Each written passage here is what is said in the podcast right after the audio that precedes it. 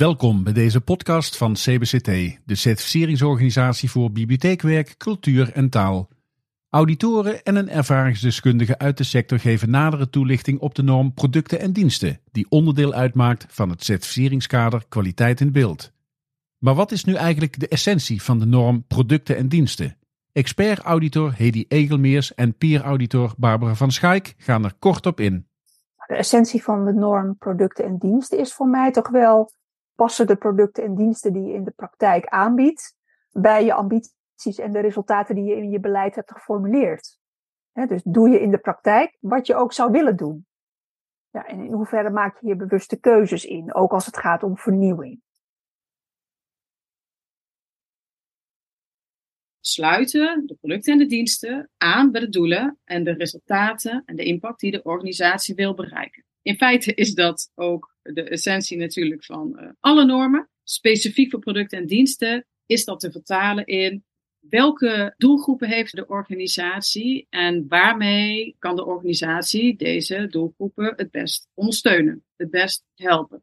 En in hoeverre sluiten dan de producten en de diensten daarbij aan. Dat is voor mij uh, de essentie. Vaak kijk ik ook naar hoe breed is het palet aan producten en diensten. Hè? Zijn alle doelgroepen inderdaad vertegenwoordigd en sluit het aan bij hun leervraag of bij hun persoonlijke ontwikkeling die zij zoeken uh, in de bibliotheek. Maar ook in hoeverre zijn intern dan zaken goed geregeld. Hè? In processen, in afspraken.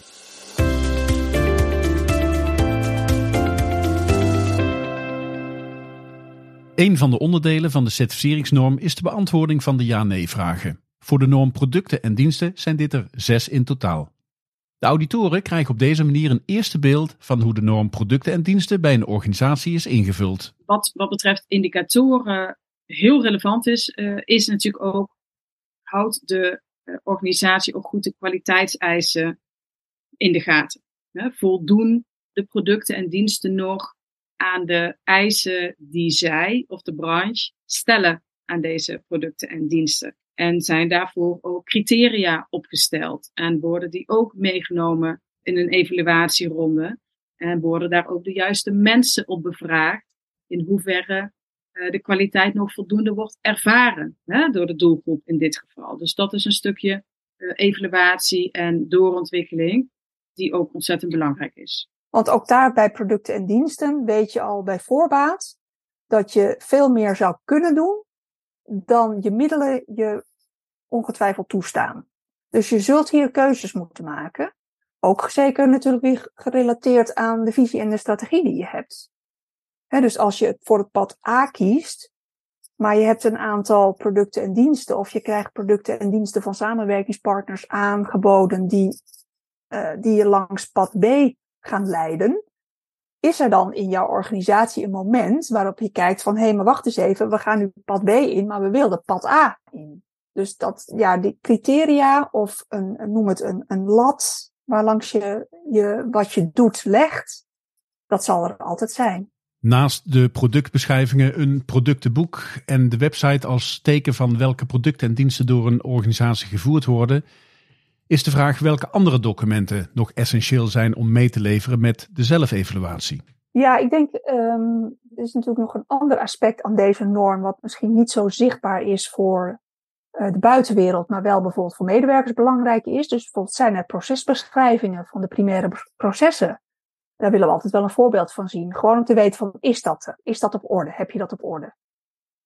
En uh, een projectplan als mensen veel, gewoon om inzicht te krijgen van hoe consistent werkt een organisatie projectmatig. Dat willen we ook altijd wel weten. Dus als je een voorbeeld hebt van een projectplan of van een project of een productevaluatie, dan zien we dat graag. Uh, het hoeft er maar één te zijn hoor, want we weten, we krijgen altijd heel veel documenten. het hoeft er maar één te zijn. En als we daar meer over weten, willen weten, dan kunnen we er altijd naar vragen als we daar op locatie zijn.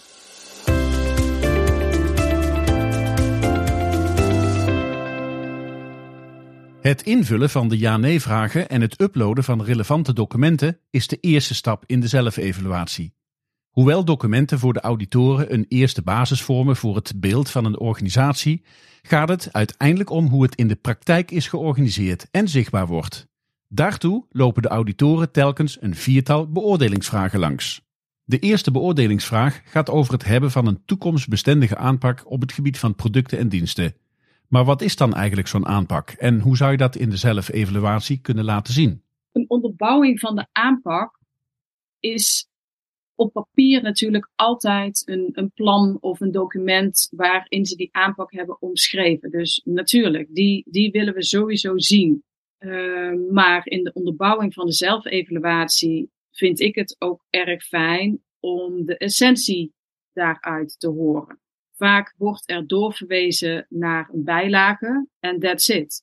Dat vind ik dan jammer, want natuurlijk kijk ik die bijlagen, hè, maar ik wil heel graag horen en zien op papier hoe zij uh, zichzelf beoordelen. Dus uh, de kern van het document of waar lopen ze vervolgens tegenaan op het moment dat ze die aanpak aan het uitvoeren zijn? Of waar zijn ze bijvoorbeeld trots op bij het uitvoeren van die, uh, van die aanpak? Of iets van extra informatie is wel heel wenselijk. De vraag is nu hoe dit werkt in de alledaagse praktijk van de Hillegomse Muziekschool. Hoe hebben zij handen en voeten gegeven aan hun aanpak op het gebied van producten en diensten? Nadine Stolk, directeur-bestuurder van de Hillegomse Muziekschool, gaat er uitgebreid op in. Ik denk dat het heel belangrijk is om te weten hoe ons nieuwe visie, ons nieuwe meerjarenbeleidsplan tot stand is gekomen. Uh, om ook te begrijpen van welke keuzes we maken in producten en diensten. Uh, een paar jaar terug uh, kwamen we tot de conclusie, joh, de muziekschool zoals die nu is, gaat die in de toekomst ook nog zo zijn? Uh, nog geen enkel probleem met subsidies. Nooit een bezuiniging gehad uh, in, uh, in Hillegom. Um, maar wel voordat dat ooit een keertje komt, want je ziet dat in heel Nederland gebeuren, toch wel belangrijk om eens even verder lange termijn te denken dan zo'n beleidsperiode van vier jaar. Um, en dat bleek toch eigenlijk nog niet zo simpele, simpel antwoord op te geven te zijn daar is uiteindelijk toen de keuze gemaakt om, uh, om voor, uh, voor Muziekschool Muziekcentrum te gaan. Uh, is het beleidsplan uitgerold als, als vervolg op, het, op, op mijn afstudeerscriptie. En dat betekent wel dat we wel een heel mooi onderbouwd meerjarenbeleidsplan hebben. Wat niet zomaar is ontstaan. Daar zijn we echt wel een tijd mee bezig, mee bezig geweest. Ehm, en dat helpt ook heel erg bij, ja, welke keuzes maken we dan in producten en diensten? Want dat meerjarenbeleidsplan is altijd de basis. Daarnaast uh, heb ik het met docenten ook veel ook over de inhoud. Dus niet alleen over, uh, over hoe zij zich voelen binnen de organisatie, ook maar wat is jullie ambitie? Uh, um, hebben jullie andere ideeën voor uh, producten, diensten? Um, zijn er dingen die je nu doet waarvan je denkt, ja, nou, eigenlijk loopt het niet zo lekker, maar als ik het zus of zo zou kunnen doen, dan is het eigenlijk handiger. Um, dus die vind ik heel belangrijk. Doen jaarlijks of, of tweejaarlijks maar ik wil graag naar jaarlijks een klanttevredenheidsonderzoek. Um, en zo'n enquête is leuk, maar ja, geeft je een klein beetje een beeld van, oh, we zitten op de goede weg. Maar um, nou, je hebt er niks aan, is niet helemaal waar. Maar uh, je hebt wel nog wat verdiepende vragen nodig om er echt mee verder te kunnen. Dus ik kies altijd voor om daarna nog een aantal mensen uit te nodigen om met een klantenpanel te spreken. Dat geeft ook weer heel veel input. En um, en al die processen bij elkaar zorgen ervoor dat ik uh, per cursusjaar Deze weer aanpak met uh, en soms ook gewoon tussendoor in het jaar is door de uh, keuzes maken over producten en diensten. Geconcretiseerd in een divers geheel van producten en diensten.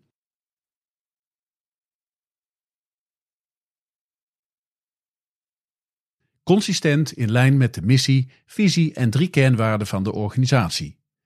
Dit is ook de basis voor het afscheid nemen van bestaande producten of het ontwikkelen van nieuwe diensten. Uh, wij geven een kindercursus die heet Muzikale Ontdekkingsreis. Dat is een aantal weken gaan de kinderen elke week een ander muziekinstrument proberen. Nou, de groep in nou, begin van dit jaar vond het helemaal leuk, vond het hartstikke jammer dat het was afgelopen. En die kinderen vroegen, uh, juf, ik heet nog, ben nog steeds juf daar, juf, kunnen we, kunnen kunnen we niet volgende week weer komen? Kan, kunnen we niet nog een rondje meedoen? Ehm, ja, dacht, ja, we gaan natuurlijk niet nog een rondje hetzelfde dan doen. Dus ik met die docent overleg. Ik zeg, joh, zie jij dat zitten om een soort vervolgcursus uh, te ontwikkelen? Nou, die vond dat wel helemaal leuk. Nou, die uh, heet Muzikale Expeditie, een soort verdiepingscursus. Die verdiepingscursus, die gaan we volgend jaar standaard uh, aanbieden. Dus zo ontstaat er ook soms spontaan op deze manier iets. De auditoren lichten nog een keer toe op welke wijze zij kijken naar het concretiseren van de aanpak op het gebied van producten en diensten. Nou, wij vragen bijvoorbeeld, uh, door bijvoorbeeld, als, heb je een productenboek? Hè, of dat kan bijvoorbeeld ook een verwijzing zijn naar een website. Hè? Soms hebben organisaties op een website gewoon een heel goed overzicht staan van dit is wat wij doen. Uh, dus uit de praktijk blijkt voor ons meestal gewoon van weet je wat je allemaal doet? Weet je wat iedereen in je organisatie aan producten en diensten, maar ook bijvoorbeeld aan projecten doet. En is er overal een moment geweest waar langs, uh, dat, die, dat die zaken langs een, een meetlat zijn gelegd. Dus een productenboek, maar bijvoorbeeld ook uh, werk je met projectplannen. Is er een voorbeeld van een productevaluatie. maar bijvoorbeeld ook ja, een jaarvers, in een jaarverslag wordt vaak ook veel beschreven hè, over wat je in een afgelopen jaar hebt gedaan. Uh, of mailings uh, met beschrijving van, van producten en diensten die je hebt gedaan. Uh, soms zijn ook enquêtes interessant. Want uit, bijvoorbeeld, je kunt producten en diensten leveren. Daar komen mensen op af die graag je producten en diensten afnemen. Nou, heb je enquêtes die laten zien wat die mensen daarvan vinden. En heb je die enquêtes vervolgens gebruikt om je producten te veranderen of aan te passen of te verbeteren of te stoppen. Op het moment dat we vragen aan de organisatie, uh, kun jij het concreter maken, dan betekent dat voor mij als auditor dat ik zeker ook graag cijfers wil zien. Dat kunnen bereikcijfers zijn, dat kunnen procenten zijn, een stijging van zoveel procent of dat is de kwantitatieve kant. Daarnaast kunnen natuurlijk ook wat mij betreft kwalitatieve, concrete voorbeelden worden genoemd. Van nou, dit is wat we graag willen gaan bereiken op basis van deze aanpak. Dus wat mij betreft een combinatie van zowel kwantitatieve als kwalitatieve uh, gegevens. Wat willen de auditoren in de dagelijkse praktijk van de organisatie zien als het gaat om producten en diensten? We vragen altijd sowieso, we zitten, we zitten natuurlijk altijd gewoon op locatie. En meestal is, is de lunchpauze daar een goed moment voor. Eerst even een lekker broodje eten en daarna gewoon even een rondje maken een rondje langs de velden. En als daar een IDO bij zit, dan is het hartstikke mooi als dat IDO dan ook daadwerkelijk in gebruik is. Nog mooier. Dan kan je ook even praten met de mensen die het IDO bemannen, zou ik maar zeggen, of bevrouwen. Op het moment dat we uh, de audit uitvoeren, is het vooral ook kijken welke cultuur stappen we in. Hoe, hoe, hoe, hoe werkt deze organisatie? Hoe gaan mensen met elkaar om?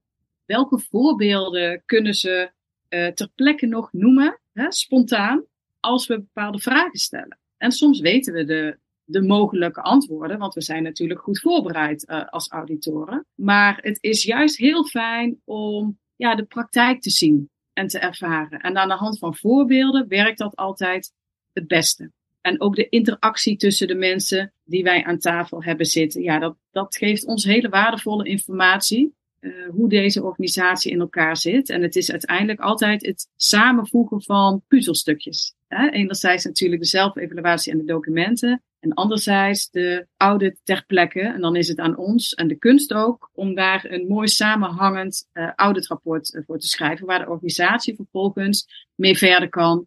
En waar ook de verbeterpunten ja, zo praktisch mogelijk voor de organisatie in verwoord staan. Processen dienen dienend te zijn, wat mij betreft, aan de uitvoering. Maar je wil ook een uniforme aanpak hebben. Dus processen dienen goed omschreven te worden en als richtlijn te dienen, waarbij er in de praktijk, denk ik, altijd ruimte moet zijn voor een persoonlijke interpretatie. Maar de persoonlijke interpretatie dient binnen bepaalde kaders tot stand te komen. Dus de primaire en ondersteunende processen moeten in eerste instantie gewoon goed omschreven worden. Zeker ook voor nieuwe mensen, zodat je daar uh, ja, een uniforme en kwalitatief goede aanpak uh, als organisatie op afstemt met elkaar. Waar letten de auditoren op als ze de praktijk van de organisatie ingaan? Uh, nou ja, bijvoorbeeld is het makkelijk te vinden. Hè? Als je het hebt over een IDO, dat is typisch iets waar mensen die misschien niet elke dag in een bibliotheek komen naar op zoek zijn. Dus is, is bijvoorbeeld als ik binnenkom in, in een bibliotheek, is dan meteen te zien uh, waar een IDO is. Maar we komen ook bijvoorbeeld veel bij uh, cultuurinstellingen. Uh, waar bijvoorbeeld, nou, dan heb je de, de mooiste lokalen waar van alles en nog wat gedaan wordt. Daar is een podium. Hè, dus hoe ziet het eruit? Hoe voelt het als je binnenkomt? Want ja, meestal kom je door dezelfde deur binnen als auditor. Als iemand die daar een workshop komt doen. Of iemand die op zoek is naar een IDO. Dus hoe welkom voel ik mij? Niet alleen als auditor, maar gewoon hè, als iemand die daar op zoek is naar een product of een dienst. De laatste beoordelingsvraag gaat over het evalueren van de aanpak op het gebied van producten en diensten. En staat de vraag centraal in hoeverre deze ook daadwerkelijk waarde toevoegen aan de ambities van de organisatie.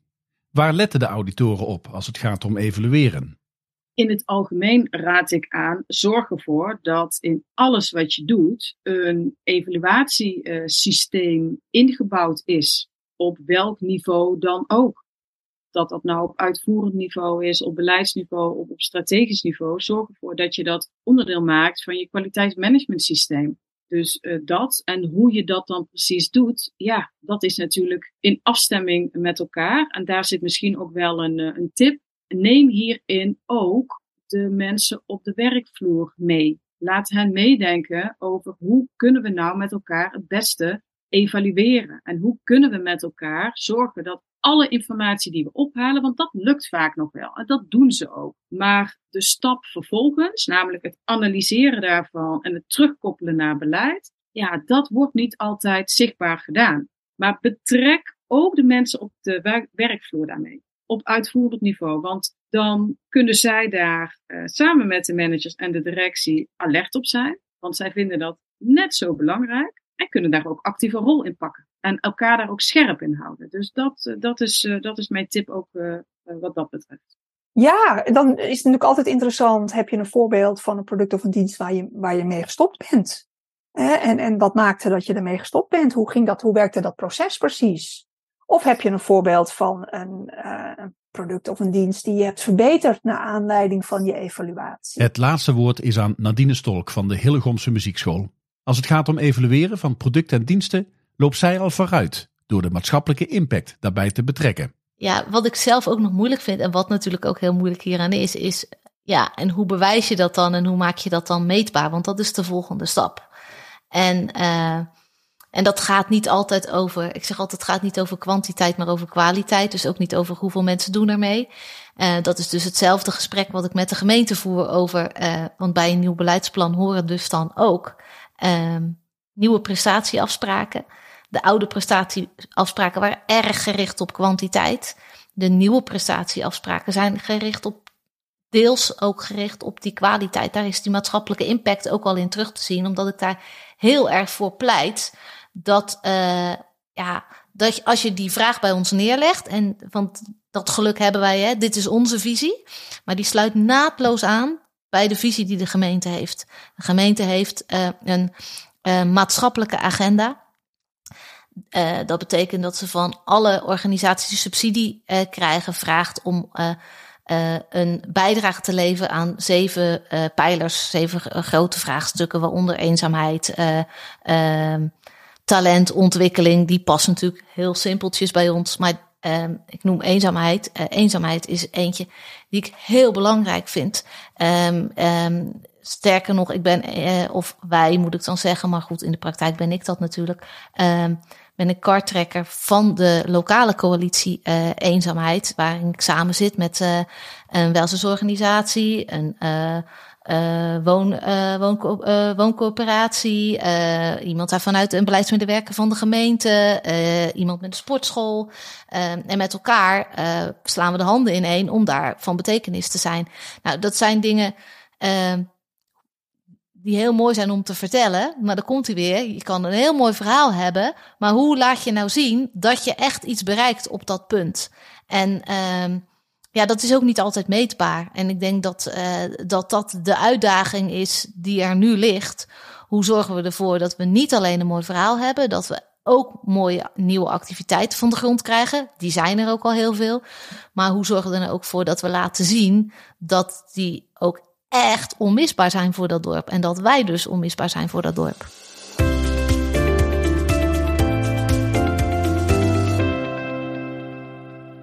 We eindigen met een laatste tip vanuit de auditoren. Kijk, soms eh, is er een product of een dienst die echt groot is. dus dan, dan is het misschien goed om gewoon apart iemand, een gesprekspartner op de agenda van de auditdag te zetten, zodat we toch ook even inhoudelijk kunnen ingaan. van hoe werkt het nou eh, van de hoed en de rand uh, precies met deze product, met dit product of deze dienst. Bijvoorbeeld als een, ehm, een, een bibliotheekorganisatie een grote educatieafdeling heeft, dan is dat typisch een onderwerp wat je apart op de agenda zet, zodat je echt even helemaal kunt inzoomen op dat onderwerp. En dan komen de vragen die gerelateerd zijn aan dit onderwerp, die bij alle normen wel even terugkomen, die, die plakken wij als auditoren dan later wel weer terug in het rapport. Hè, bij de norm waar ze thuis horen. Tot zover deze podcast over de norm producten en diensten van het certificeringskader Kwaliteit in Beeld.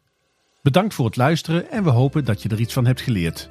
Voor meer informatie kun je terecht op www.certificeringsorganisatie.nl.